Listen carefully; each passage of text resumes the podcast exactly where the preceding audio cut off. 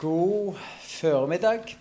Eh, For de som jeg eventuelt ser for første gang, så jeg heter Sølve Salte. Jeg er godt gift med Hege fra Sandnes. Vi har sammen en gard ut forbi Klepp. Eh, Vi har åtte unger i lag. Jeg driver med egg- og melkproduksjon. Jeg er utdanna teolog og prest. Arbeidet tidligere ca. fire år som prest. Nå er jeg bonde og fritidsforkynner. Eh, vi sitter litt som en rød tråd så langt i helga på hvor avgjørende viktig det er at vi har i enhver sammenheng, om det er en familie, en bedrift, og også i våre liv med Gud, at vi har et system som kan rette avvik. For feil skjer alltid underveis. Sånn er det til å leve. Vi gjør feil. Og da trenger vi noe som fanger opp, og som retter, så vi kan få retta opp disse feilene. Um, og Vi skal egentlig fortsette litt eh, på, på, den tråden nå i dag. Eh, som overordna overskrift for, for helga er det det til å tjene Gud, menneske og menighet. Og det til å tjene det er jo til å stå i et arbeid. Og Hvis du skal arbeide, så er det utrolig viktig at du er under autoritet. At du ikke bare er sjølgående og kjører ditt eget løp, men at du er under autoritet. Eh, så hvis dere vil ha sånn overskrift for, for, for det jeg skal tale over, så er det at Jesus er herre. At Jesus lov, må få lov til å være sjefen i ditt og mitt liv. eh, For at det arbeidet, den tjenesten vi står i, skal lykkes og ha velsignelse over seg. Eh, Jeg tror dette er et enormt viktig budskap for oss som menighet, som Guds folk i Norge i dag. Eh, At det er noe vi trenger å bli minnet om, og at vi trenger å være villige til å legge våre liv inn under Hans gode og nådige herredømme. Herre Jesus, nå ber vi om Din hellige ånds vitnesbyrd og kraft eh, til å la ordet bli åpna for oss, og la det få bli til liv og lys, og la oss gjennom tro og bli ett med det budskapet vi skal høre. I Jesu navn. Amen. Eh, For, ja, kan det være snart 20 år siden, så pendla jeg i en periode mye med tog fra Stavanger til Bryne. Jeg var student på Misjonshøgskolen. Og En sein kveld så tok jeg toget i retning Bryne. Og Da ble jeg sittende på sida av to stykker fra Iran. Vi kom i snakk, og det viste seg at de var kristne. Og de sa det at um, i Iran så er det ingen problem å være kristen så lenge du bare heller det for deg sjøl. Men hvis du vil dele troen din, hvis du vil gjøre det Jesus befaler deg om å gjøre i Bibelen, ja, hvis du vil ha Jesus som herre, da får du store problemer. Og Så sa de videre at folk i Norge kjenner ikke lenger Jesus som herre. Det var deres observasjon og inntrykk. Mennesker i Norge kjenner ikke lenger, lever ikke lenger med Jesus som herre. Og så sa de vi vil be til Gud om at du skal bli et sendebud til ditt eget folk og fortelle at Jesus fortsatt er herre. Jeg gikk av på Bryne, og jeg tenkte ikke så mye mer på denne samtalen og, og, og togturen. Men etter ca. seks-sju år så tenker jeg at iranerne begynte å få bønnesvar. For da begynte det å brenne og leve inni meg et budskap og bibeltekster som fortalte om at Jesus er herre, og at han må få lov til å være herre i ditt og mitt liv. Og det er det jeg har lyst til å dele med dere i dag. For på mange måter så lever vi i ei forfallstid når det gjelder kristenliv og gudsdyrkelse. Det og jeg, jeg, må bare få si det igjen, det er utrolig godt å være her på Karmøy, på Åkrehamn. Det er så mye gilde, gode folk, det er et så rikt arbeid.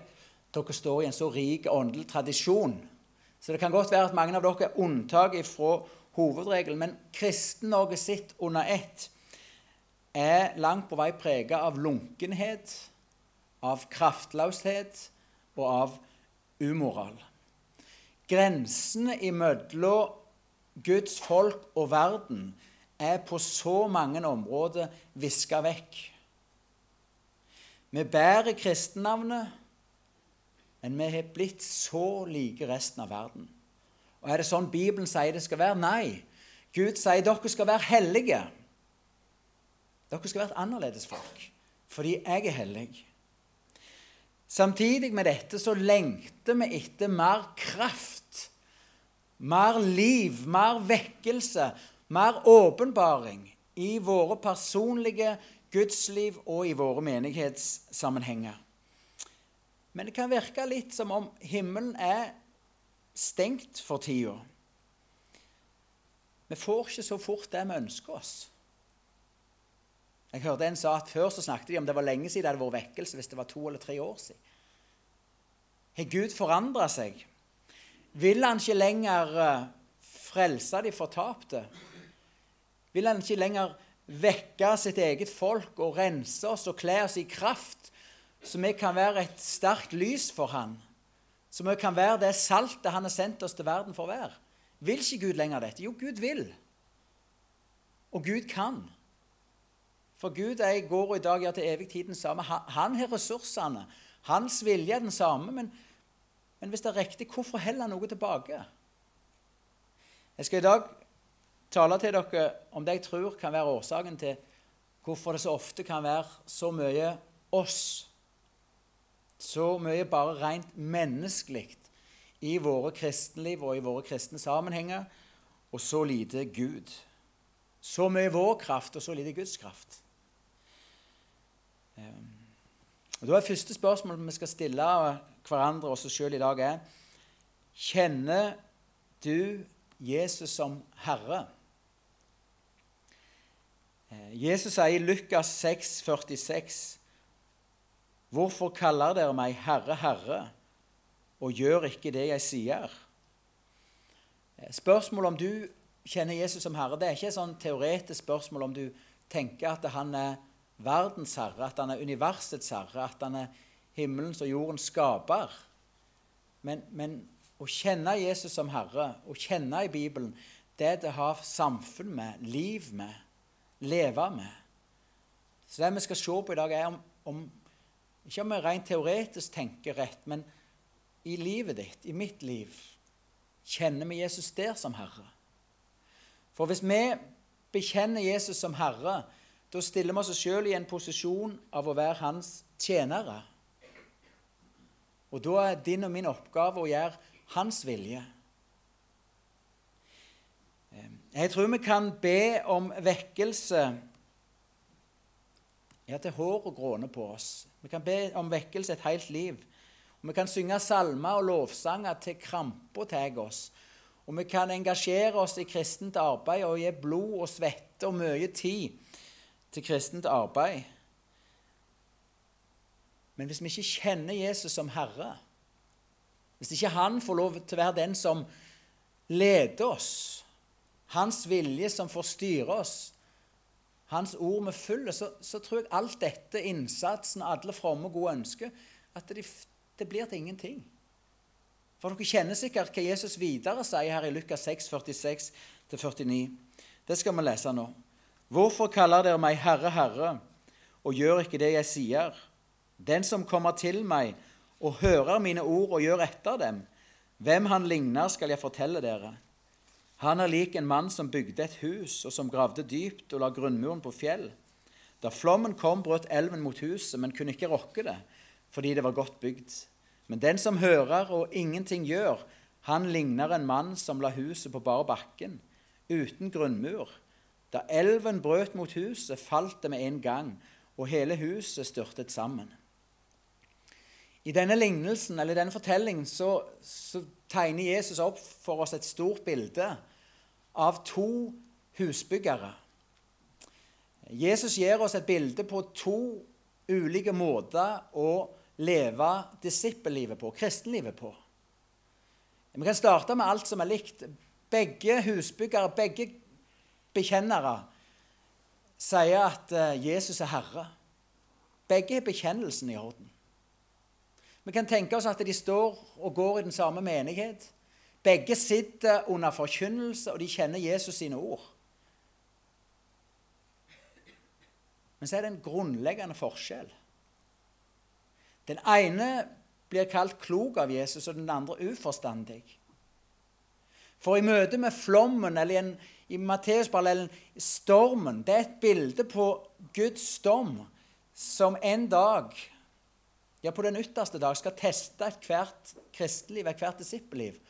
om det er noe Gud vedkjenner seg. Jesus sier at eh, disse to husbyggerne, disse to ulike livsprosjekter For la oss tenke hus er jo det liv det, det prosjektet vi, vi bekjenner og bygger vårt kristenliv. I møte med stormen så går det vidt forskjellig. Ett blir stående, og ett feller helt i sammen. Ett raser sammen. Hva var den grunnleggende forskjellen som gjorde at dette endte så ulikt når så mye annet var likt?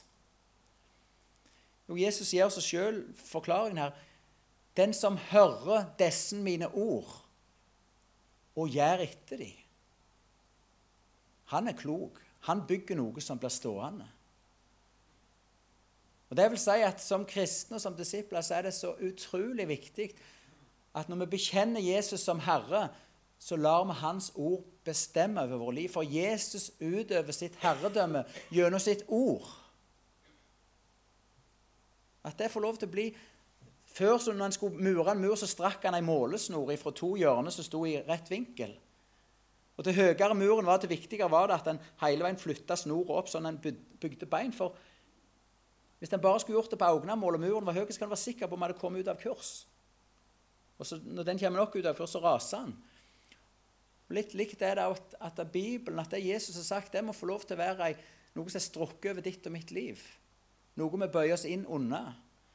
Akkurat som vi sitter på tidligere, at den som skjuler sine synder, han går det ikke godt. Ordspråket 28, 13. Men den som bekjenner sin synd og vender seg ifra den, han finner barmhjertighet. Dette er noe av hemmeligheten med dette, at vi underveis i disippellivet praktiserer omvendelse, at vi retter oss inn under Guds ord. At Jesus, Det at han er herre, er ikke bare noe teoretisk sånn Ja, det gjelder verden og alle andre. Nei, men det gjelder mitt liv. At han må få lov til å være herre i, i ditt og mitt liv. At hans ord får makt og gjelder i ditt og mitt liv.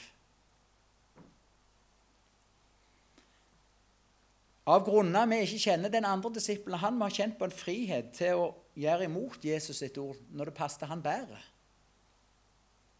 Og et sånn et livsprosjekt, sier Jesus, det, det går ikke godt til slutt hvis det er praksisen din og min.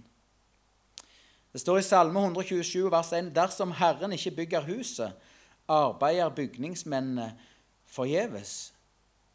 Det er en sannhet for ethvert kristenliv og for ethvert menighetsliv. Hvis det ikke er Herren som får bygge huset, hvis det ikke er Hans ord som får legge fundamentet, reisverket, og gir rammene for det liv vi skal leve, ja, så kan engasjementet og arbeidet være stort og intenst, men vi arbeider dypest sett forgjeves.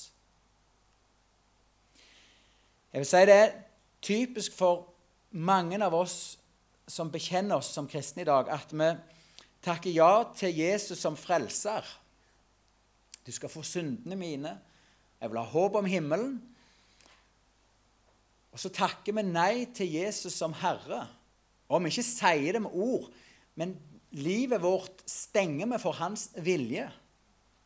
For det er som vi har en tanke om vi vil leve vårt eget liv. Vi vil dypest sett bestemme sjøl. Jeg skal gi noen eksempler på hvordan vi kan tenke. Av og til hører en denne innvendingen når en begynner å snakke om at Guds vilje er forpliktende, at Guds ord gjelder. Ja, men Sølve, er det ikke bare nåde? Kom ikke her og si at Gud krever noe. Hvor, hvor blir det av nåden, da? Eller andre sier at nåde for meg er at Jesus alltid er der for å tjene meg og møte mine behov. Hvem er det som står i sentrum? Jo, det er mennesket. Det. Vi stiller oss sjøl i sentrum. Så er det Jesus blir en travel hovmester som skal springe rundt og imøtekomme alle våre behov og ønsker. Eller det kan gå til med så langt at vi bruker Jesus og korset og det han har gjort for oss, som en mur imot Guds vilje i våre liv. Det er som å si til Gud La meg leve i fred. La meg leve mitt liv, for jeg har jo Jesus, jeg er frelst, jeg, jeg er døypt. Je, vet du hva? Jesus var Guds lam og er Guds lam. Og han kom for å tjene, ikke for å bli tjent. Han kom for å gi sitt liv for oss. Men på den tredje dagen så skjedde det noe fantastisk. Jesus ble oppreist av Faderens veldige makt og kraft. Og Bibelen sier at herreveldet ble lagt på hans skuldre. Gud den allmektige innsetter Jesus som hyrde og herre for sitt folk. Og det vil si, Hvis vi bekjenner oss til Jesus, hvis vi tok imot Jesus som frelser, så tilhører vi han. Og da skylder vi å leve for han som gikk i døden for oss. Frelse og etterfølgelse henger sammen. Det er ikke sånn vi kan takke ja til det første og vrake det andre. Nei, den som er frelst gjennom Jesu blod og død for oss, han tilhører nå Kristus. Og han er kalt til å være en etterfølger. Gud har aldri kalt en kristen til å være en sånn selvgående person som skal gå sine egne veier i påvente av himmelen. Nei, vi har fått en hyrde og herre som skal lede oss hele veien hjem. For snart 2000 år siden så gikk Jesus omkring, og så kalte han mennesket til å følge seg. Det var ikke sånn Jesus sa til Peter, Jakob, Johannes Vær så snill, Peter. Ta meg med i livet ditt, i båten din. Jeg skal ikke mene mye, jeg skal ikke kreve mye, men ta meg med. La meg få være med i ditt liv. Det var ikke sånn Jesus gikk fram. Jesus sa, 'Peter, følg meg. Gå min vei, så skal jeg forandre ditt liv. Du skal bli en menneskefisker.' Og Jesus er den samme i dag. Han kaller oss til å være hans etterfølgere, til å gå i hans fotspor til å legge våre liv i hans hånd, så vil han forvandle dem. Så vil han forme dem. Og så vil han lede oss hele veien hjem. Så bare for å legge det som en premiss Vi kan ikke takke ja til Jesus som frelser og forkaste han som herre. Da bygger vi hus som i det lange løpet ikke kan bli stående. Hvordan kan så vi ha Jesus som herre i våre liv. For det tror jeg det er et ønske om her blant dere. Dere ønsker å leve dette livet.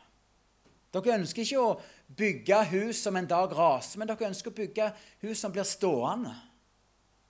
Så skal jeg gi tre punkt som jeg tror er avgjørende viktige. Skal vi leve med Jesus som Herre, så må vi søke Guds rike først. Jesus sier i Matteus 6, 33, Søk først Guds rike og hans rettferdighet, så skal dere få alt det andre i tillegg. Vi må la Gud være Gud. Gud, den allmektige, himmelens og jordens skaper.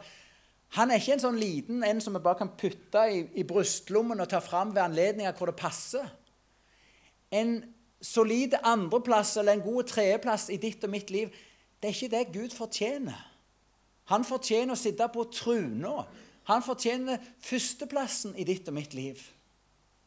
Av og til så tror jeg vi lever sånn at vi gir av våre ressurser. Vi lar alle andre mennesker, selv inkludert, forsyne oss av vår lidenskap, av vår tid, av våre ressurser.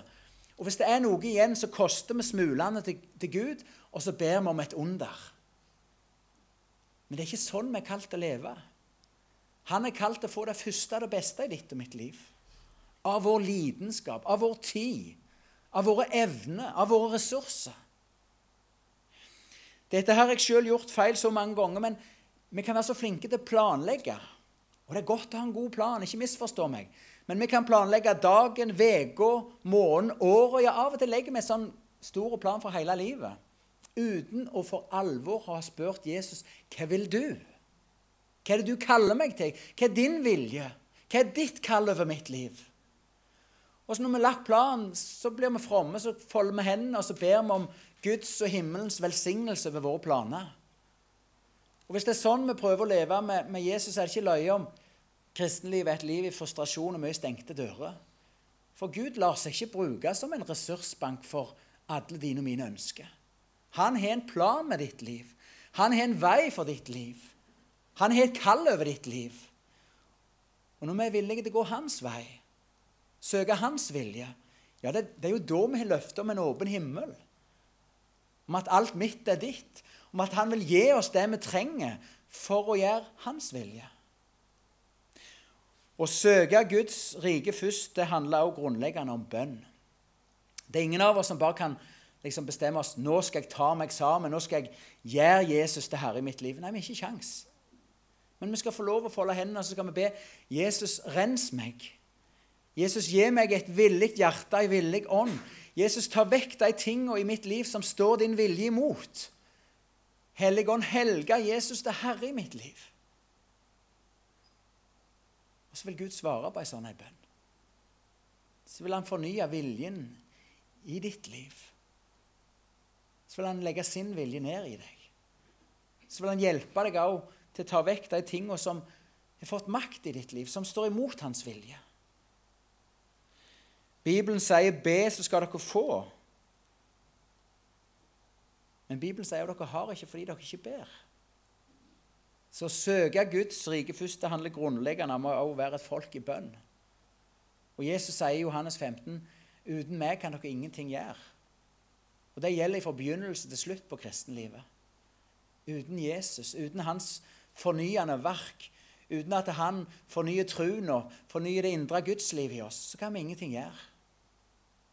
Så det er det første. Vil vi leve med Jesus som Herre, så må vi være innstilt. Vi må be om. Vi må innrette våre liv etter at Gud skal ha førsteplassen. Vi skal søke Hans rike først. Punkt nummer to. Skal vi leve med Jesus som Herre, så trenger vi å høre og gjøre etter Guds ord. Det er jo helt fantastisk med, med Bibelen. For hvordan skal vi kunne vite hva Jesus kaller oss til, hva han har befalt oss?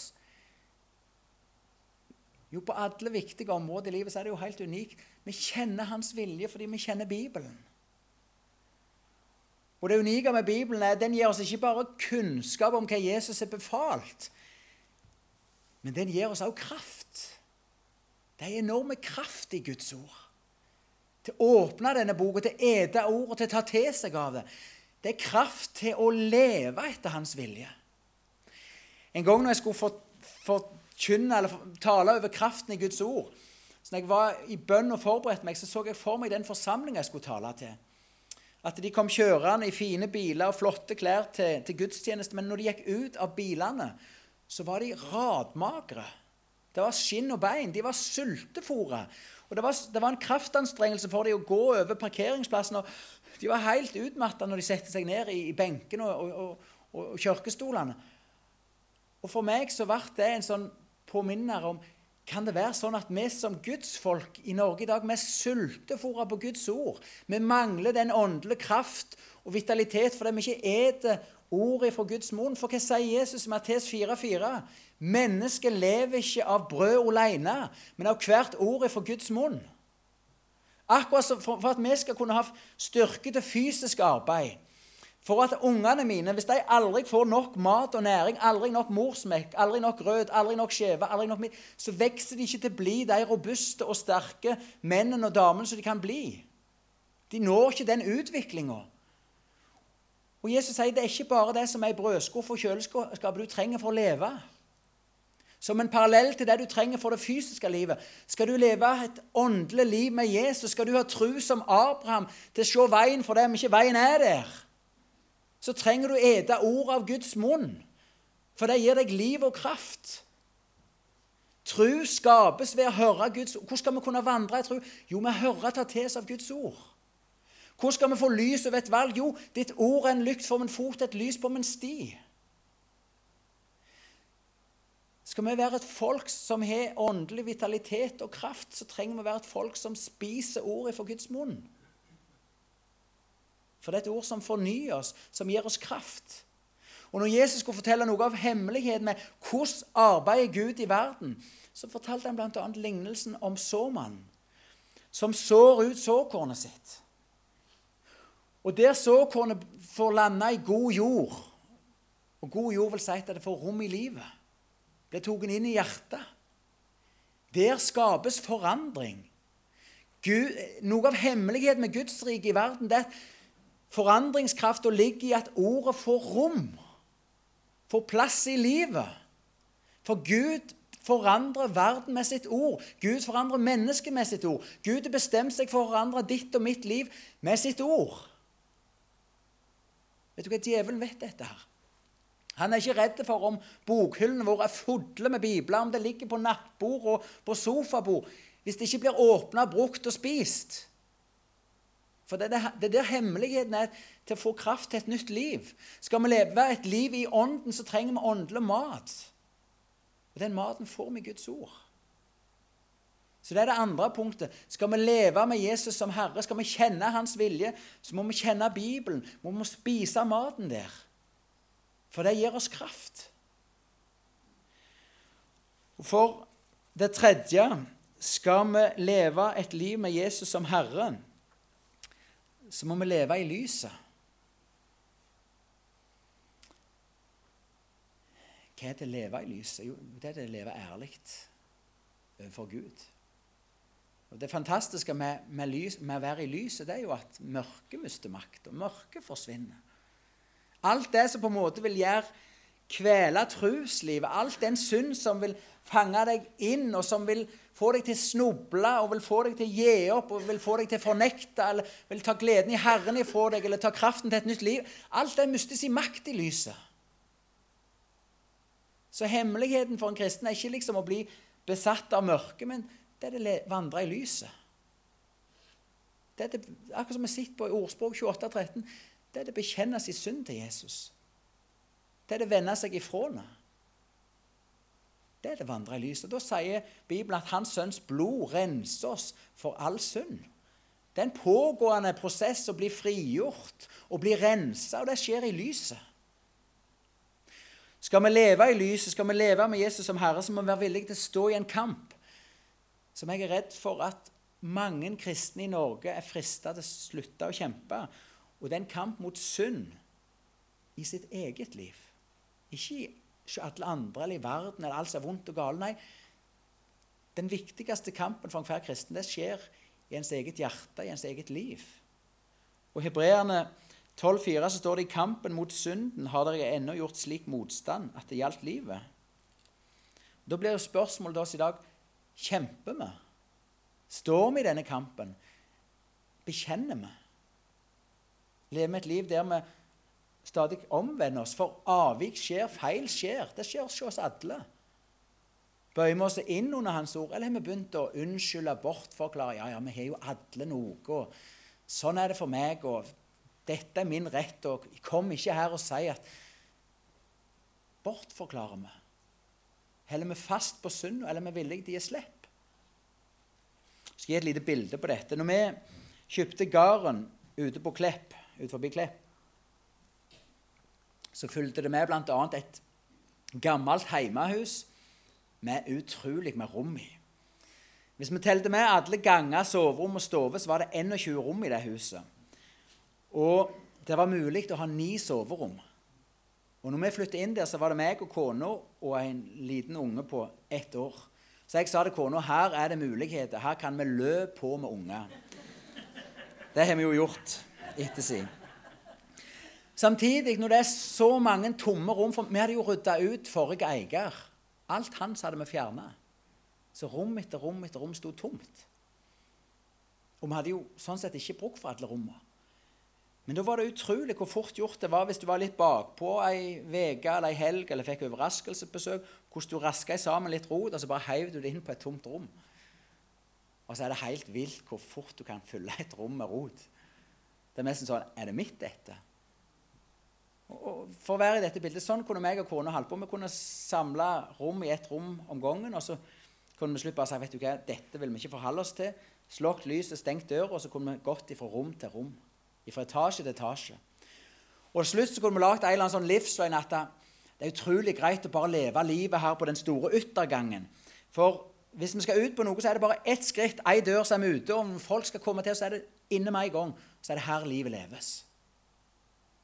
Og så resten var bare avlåst og mørke.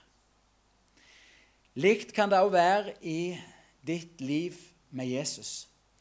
Hvis det er områder der du og meg stenger Guds vilje ute, der vi vet noe Jesus har sagt og befalt, men så bare sier Vet du hva? Det der vil jeg ikke forholde meg til. Det er akkurat, akkurat der Dette har ingenting med mitt kristenliv å gjøre. Hvis det er området Det kan være hva som helst, om det er måten du behandler foreldrene dine på, eller måten du snakker baktalelse, eller det, det kan være hva som helst. Men hvis det er et område der vi velger bevisst å stenge Guds vilje ute, så blir det et rom som blir liggende i rot. Og rot, for å bruke en parallell til synd, er av den naturen at det ofte sprer seg. Og Sånn kan det også gå i et kristenliv, at område etter område, rom etter rom, blir stengt av. Dette er ingenting med Gud og Jesus gjør. Og Til slutt så kan vi leve hele kristenlivet vårt på denne her yttergangen. og så er det omtrent ikke plass til Jesus der heller, men han står på utsida av døra, og så kan vi vifte med palmegreinen vår og si 'Jesus, du er Herren min', men du kan ikke komme inn, for her, for her er det ikke plass. Her er det stengt. Og Hvis det er sånn vi lever med Jesus, så er det ikke løye om det er mye oss og lite Gud i vår kristenliv. Men det unike og fantastiske med Jesus han, han vet at vi ikke har sjanse til å gjøre oss fri sjøl. Men Bibelen sier at hvis Sønnen får gjort dere fri, så blir dere virkelig fri. Og Jesus kom for å sprenge, lenke og sette fanger fri. Og han er den samme i dag. Så Jesus trenger bare adgang. Jesus kom inn. Og der Jesus får komme inn, der kommer lyset inn. Og der kommer frihet ifra synd, og lenke blir sprengt. For lyset er sterkere enn mørket. Så det er det tredje. Vil du leve med Jesus som Herre, så må vi leve i lyset. Vi må bekjenne vår synd og vi må være villige til å vende oss ifra henne. Jesus er Herre. Han har en vilje for ditt og mitt liv. Men han er en uendelig nådig og god Herre. Det er ingen som kjenner deg sånn som Jesus, og det er ingen som elsker deg sånn som Jesus. Jesus sier, 'Kom til meg, du som strever og er tungt å bære. Jeg vil gi deg hvile.' Ta mitt åk på deg og lær av meg, for jeg er ydmyk og tålsom av hjerte, og du skal finne hvile for din sjel. Vet du hva, Dette verset fra Matteus 11,28 fikk jeg et nytt syn på når jeg hørte at i Israel, i det gamle Israel, når de skulle sette en okse under åket for å dra plon eller kjerra, så satte de han ikke alene. Men de satte han i et tospann, et dobbeltåg, med en sterk og erfaren okse. Og det Jesus inviterer oss til, ta mitt åk på dere. Hans åk er hans ord og lære. Og det er et tospann, et dobbeltåk, Jesus inviterer oss inn under. Når vi går inn under hans herredømme, som er hans ord, da blir vi bonden til Jesus, og så er han den sterke som leder oss gjennom livet. Men han gjør det gjennom sitt ord. Ta mitt åk på dere. Lær av meg, så finner du hvile for din sjel. Så får du letta dine byrder. Hey, til en del av dere som jeg har fortalt denne historien før, men jeg har lyst til å dele et vitnesbyrd. Det kan godt være at ungene kommer opp og inn mens jeg holder på, men det går helt fint. Eh, Jesus har forandra mitt liv, og han er på ingen måte ferdig med, med det han vil gjøre i mitt liv. men når jeg var 21 år gammel, da fikk jeg en ny begynnelse med Jesus. Jeg hadde levd ungdomstida delvis med ryggen til Gud. Jeg hadde gjort opprør imot mine foreldre, som var søndagsskolelærer og yngresformann i ei lita bygd, og det hadde også blitt et opprør mot Gud. Men jeg var 21 år gammel, så møtte Jesus meg på nytt gjennom et alfakurs. Jeg så kveld etter kveld på en stol, så fikk jeg høre sannheter fra Bibelen. Jeg forsto at Jesus elska meg, at han ville tilgi meg, at han lengta etter å få meg tilbake. Ikke for å liksom kjenne meg fotl, men fordi han ville tilgi meg, og fordi han ville leve et liv med meg. Jeg kjente det begynte å banke i hjertet mitt, for jeg forsto en sannhet til for Bibelen. At Gud hadde en plan med livet mitt. At å bli frelst og være tilgitt var ikke bare å sitte på en stol og vente på himmelen, men det var til å leve et liv med Jesus. Og Da begynte det å bli viktig for meg å be om Gud, hva vil du med livet mitt? Hva er det du, kaller, hva er det du vil? Og Samtidig med dette holdt jeg på å kjøpe en stor gard ut forbi Podlest eller Pollestad på Jæren. Da ba Jesus hvis du har en annen plan, så må du stoppe meg. Og Selv om jeg hadde det høyeste budet inne på den gården, så fikk jeg den ikke. Og Da tenkte jeg nei vel, da har Gud en annen plan med livet mitt. For meg til å følge Jesus betyr også å gi avkall på drømmen om å bli bonde. Jeg hadde lyst til å fortelle andre om Jesus. Jeg tenkte mer kunnskap trenger jeg, så jeg tok kristendom grunnfag, og grunnfag har vært hele prestestudiet eller teologistudiet. Og For den fasen av livet mitt har jeg tenkt at Gud kaller meg til heltidstjeneste som prest eller emissær eller misjonær. Jeg ble prest, og etter ca. tre år som prest så begynner det å skje noe merkelig i mine bibel- og bønnestunder. Når jeg er alene med Jesus, så kommer en helt ny tanke til meg, og tanken er Sølve. Tida er inne til å bli bonde. Jeg trodde jo nesten det var fristeren, for, for, det var jo en gammel drøm som jeg hadde gitt avkall på, så jeg vågte ikke tro på det. Men den kom igjen og igjen. Sølve tida er inne. Du skal få bli bonde. Så var det flere ting som skjedde. Blant annet var det en kamerat som ba for meg en gang. Uten jeg hadde delt noe hva som skjedde på innsiden, så sier han Sølven, jeg ber for deg, så tenker jeg bare på hans vold. Nå vet jeg ikke om dere vet hvem Hans Vold er, men han var et forbilde for meg på en bonde som brant for Jesus og var forkynner. Da begynte hjertet mitt å dunke litt mer. Kan det virkelig være Jesus, sier Sølve? Tida inne. Du var villig til å gi avkall på dette, men nå skal du få bli bonde. Du skal få bli en Hans Vold. Men jeg vågte fortsatt ikke tro på det. Men noen dager seinere leste jeg i Bibelen, i Markusevangeliet, kapittel 10. Og Der sier Jesus at den som gir avkall på hus og ågre, gir han også andre eksempel for mitt navns skyld og for evangeliet, han skal få i den nåværende verden hus og ågre, men også forfølgelse og i den kommende verden evig liv. Hva får du hvis du setter en, et hus på en åger? Det er litt ledende spørsmål. Du får en gard, en bondegård. Og hvem skulle få det, sier Jesus?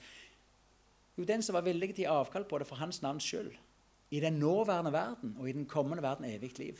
Det verset skapte ei tro i meg at det er faktisk Jesus er i selve tida inne. Du var villig til å gi avkall på dette for å følge meg, men nå er tida inne for å bli bonde. Da reiste jeg hjem til kona mi, byjenta. Vi var ganske nygifte, og da startet jeg litt av problemene. Jeg tror det er den verste kvelden så langt i ekteskapet. Når jeg fortalte hva jeg trodde skjedde i livet mitt. Vi så i hver vår ende av en treseter skinnsofa, og Hege strigrein. Og så sa hun jeg gifta meg med en prest. Og hvis du vil bli bonde, så får du finne deg ei bondekone. Jeg sa sikkert også mye dumt, men jeg sa med mindre du også ønsker dette, så er det ikke aktuelt. Så snakket ikke så mye mer om det, men etter ca. to uker får jeg en tekstmelding, en SMS fra Hege. Der står det 'Jeg vil bygge meg en gård med en hage utenfor'. Prikk, prikk, prikk. Din Hege. Og Da sier Hege at det var på vei hjem fra arbeid en dag, akkurat som noe løsna i, i hodet. Ikke, ikke ei skrue som ble løs, men det var en tanke løsna. Hvorfor skal jeg pinnhalle på dette huset? Vi hadde akkurat bygd oss nytt funkishus i Sandnes. Hun har nok sett for seg at her skal vi bli gamle, men hvorfor skal jeg pinnhalle på dette huset? Og så hadde Hege blitt klar for at vi skulle finne en gard. og Da var vi ganske enkle. Vi trodde at Gud hadde en gard for oss. At det var han som kalte oss til dette. Og At vi måtte finne det han hadde for oss. Og Da setter vi opp noen ønsker for hvor det skulle være. For Hege var det nærmest krav. Det var for dere som kjente på Jæren, ikke mer enn 15 minutter for kvadrat. Handlesenter, hun likte å reise der. Ikke lenger sør enn Klepp, liksom Bryne, Nærbø, Varhaug, Vigrestad. Det som verre var, det var for langt sør. Og så hadde hun et tredje ønske om at det, når det var mørkt, så skulle du se noe, et byggefelt eller noe lys i fortunet. At det ikke bare var et mørkt hull, for det syntes hun var litt nifst. liksom bare hvis det var et mørke som omgås. Jeg hadde en guttedrøm om at det skulle være på et høydedrag som vi så tankbåtene i Nordsjøen. Så vi, Det høres sprøtt ut, men vi begynte å reise rundt og se etter høydedrag på kveldstid hvor vi så byggefeltet lys ifra. Og Vi var rundt sikkert 100 forskjellige grusveier. Jeg kan ikke forklare dette rasjonelt, men jeg ser i notatene mine så jeg krysset ut område etter område. Til slutt så konsentrerte vi oss om høydedrag rundt Klepp. Og En dag så parkerer vi med bilen i veikanten ut forbi der vi nå bor. Jeg peker ut den gården som vi nå bor på for Hege. Det var jo ikke noe til salgsskilt eller sånt, men vi ber, og så får begge bare en sånn fred. Det er her. Dette er plassen. Og Da er jeg ganske frimodig. Da går jeg og ringer på døra og sier hvem jeg er. Jeg er på jakt etter gard, om denne var det salgs eller forpaktning. Bonden sier nei, men han trong en avløser. Så det sier jeg ja, det kan jeg være. Så tenkte jeg at kanskje sånn som Jakob i Det gamle testamentet, så måtte jeg være dreng, avløser en stund, før jeg fikk det jeg var lovt. Jeg sa opp stillingen som prest. Dette var 15. mars 2005. Oppsigelsestid var fram til 1. august. Og når folk spurte meg ja, men hva som skjer i livet ditt, er du utbrent, Nei, men jeg tror jeg skal bli bonde. Ja, hvor da henne? Hvor gården? Så kunne vi ikke si noe, men jeg måtte bare si så sant, vi tror at noe skal ordne seg. Og For meg og kona var det viktig at vi ikke bare skulle prøve å grave til oss denne gården, men at det skulle være en god ting for bonden. Og Hvis vi hadde forstandet Gud riktig, så skulle han åpne en vei for oss. Så vi ba og takte frimodig for gården og ba Gud åpne en vei. Og mens vi ber for dette, så får Hege en gang et sånn indre bilde det er jo sånn Bibelen sier at Gud kan tale gjennom et syn eller et bilde. Og Da ser hun bonden stå midt i gardsrommet ned av låvebrua med åpne armer. og ønsker oss velkommen, og så peker han ut alle markene eller kjelvene på gården. Og Da tenker vi ok, hvis dette er Gud, så må vi jo handle på det. Så vi setter oss nervøse når han i bilen. Vi kjører opp til gården. Ganske riktig, når vi triller inn i gardsrommet, så står Torfinn eller bonden rett ned av låvebruna. Og han sier til meg, da får jeg frysninger på ryggen, 'Sølve, du må huske på sånn og sånn når dere skal bo her.' Da hadde han fått en ny tanke om at vi en dag skulle få bo der. Og han viste oss eh, alle kjelvene, og han tok oss inn og viste oss alle rom i huset, akkurat sånn som Hege hadde sett i, i, sitt syn eller bilde. Og Da ble meg og kona enormt oppmuntra av ok, Gud har kontroll på dette. Vi må bare vente, så skal han åpne en vei. Det er ikke så lett å vente på Gud. Det er iallfall min erfaring. Setter tålmodigheten på prøve. Og Månedene går, ingenting skjer ytre sett. Vi begynner å kjenne på presset, for folk rundt oss var bekymra. Mor og far min de hadde hatt en gjev sønn som var prest, men nå var han i ferd med å bli en svermer på gardsjakt. Og far sa 'Hvor er dette luftslottet ditt? Hvor er denne gården?' Og jeg hadde jo ingenting jeg kunne vise til. Så Hege sier en dag til meg, og sommeren nærmer seg Vi må be noen dristige bønner. Det var jeg klar for. Det var jeg enig. Ja, det må vi. Så vi har vært enige om at vi vil be Gud om et gjennombrudd når det gjaldt gården. Og Dette var en onsdag, og vi hadde allerede en del avtaler i helga, så vi ble enige om et, vi skulle be om et gjennombrudd på mandagen over helga. Og mens vi ber for dette gjennom uka, så får Hege et nytt bilde eller syn.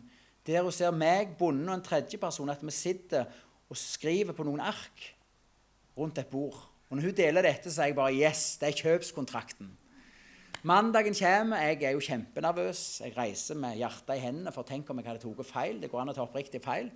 Men det fantastiske for oss er at bonden sjøl foreslår at vi skal kontakte Martin Svebestad på Klepp regnskapslag, det var regnskapsføreren hans, for å sette opp en kjøpskontrakt.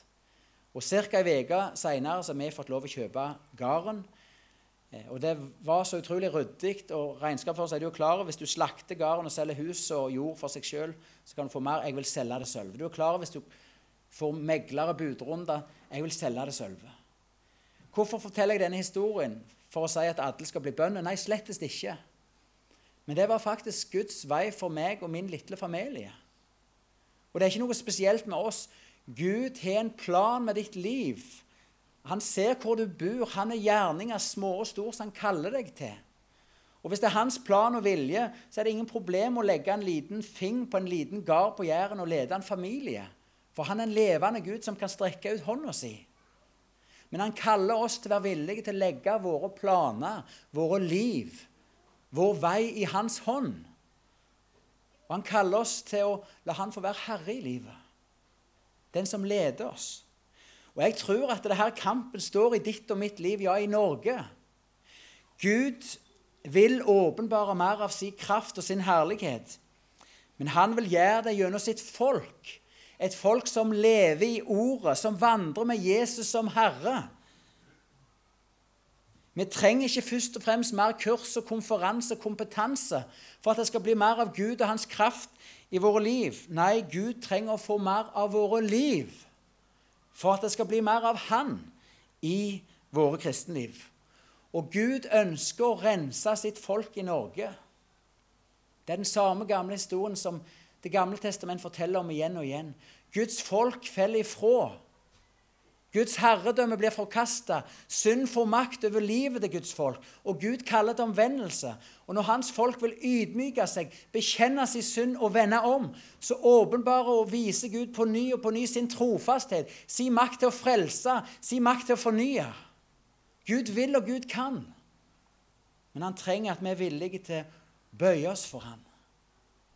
Kjære Jesus, jeg takker deg og priser deg for at du er Herre og du er en uendelig god herre å ha. Og Jeg ber om at du må tilgi meg og tilgi oss at vi på så mange områder og på så mange måter har gått våre egne veier. Tilgi oss alle de gangene vi har bygd på det huset som bare står på sand. Nå ber jeg deg, Jesus, for ditt navns skyld, at du må bøye våre hjerter og vår vilje tilbake igjen til deg. At du må omvende oss så vi kan bli rett omvendt. At du må skape en lyst og en vilje i oss til å leve med deg som Herre, til å følge ditt ord, til å overgi våre liv i din hånd, og til å be at du skal bli helga som Herre i våre liv. Jeg ber for Åkraham og for bedehuset og for forsamlingene rundt her at du igjen skal gjeste med liv og vekkelse. med frelse og med fornyelse. At ditt navn skal bli stort iblant oss. Det ber vi om i Jesu navn. Amen.